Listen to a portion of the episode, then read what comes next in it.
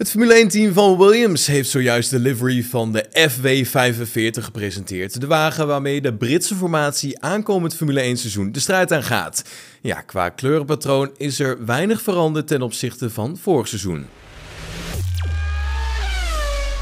Ja, wel is er een bekende naam terug te vinden op de neus van de FW45, namelijk Gulf Oil. Zij hebben de handen ineengeslagen met de Britse formatie en is prominent als sponsor terug te zien op de wagen. Ja, er waren al lange geruchten dat het iconische merk middels Williams terug zou keren in de Formule 1 en dat dit gepaard zou gaan met een volledige nieuwe look voor het wapentuig. Nou, dat laatste blijkt echter niet het geval te zijn, zo is duidelijk terug te zien op deze beelden.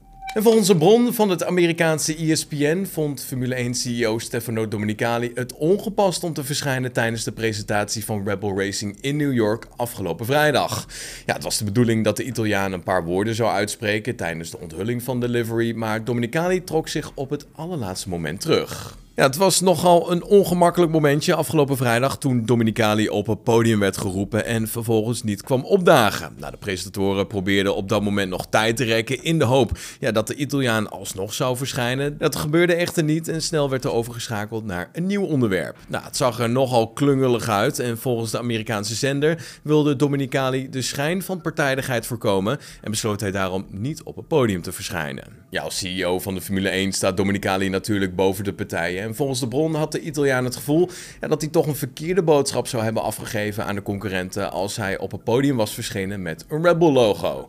De andere teams onthullen in de aankomende dagen namelijk ook een kleurenschema voor het nieuwe seizoen en daar zou Dominicali niet bij aanwezig zijn. Uiteindelijk zorgde de communicatie, of in ieder geval het gebrek daaraan, voor het verwarrende momentje op het podium in New York. Dominicali was dus weliswaar aanwezig in de Verenigde Staten, maar dat zou vermoedelijk zijn geweest om te praten met geïnteresseerde partijen over een mogelijke inschrijving voor 2026. En de Formule 1 zal vanaf dit jaar niet meer in Frankrijk racen. Dat was uiteraard al een tijdje bekend, want na vier Grand Prix tussen 2018 en 2022 is circuit Paul Ricard alweer van de kalender gehaald.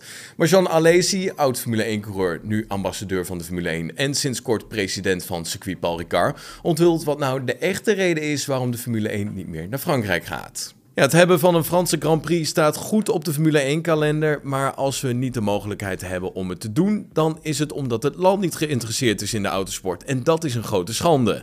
Voor de Formule 1 is het geen probleem om een Grand Prix in Frankrijk te houden, de schuld ligt bij Frankrijk zelf. Natuurlijk zal er een deel van mijn nieuwe rol zijn om een brief te sturen, om een ontmoeting met de president van Frankrijk aan te vragen, maar ik weet niet of dit zal gebeuren. Als het wel gebeurt, dan kunnen we de Franse Grand Prix terugkrijgen en dan zou ik de gelukkigste man ter wereld zijn. Zo zegt hij tegenover motorsport.com.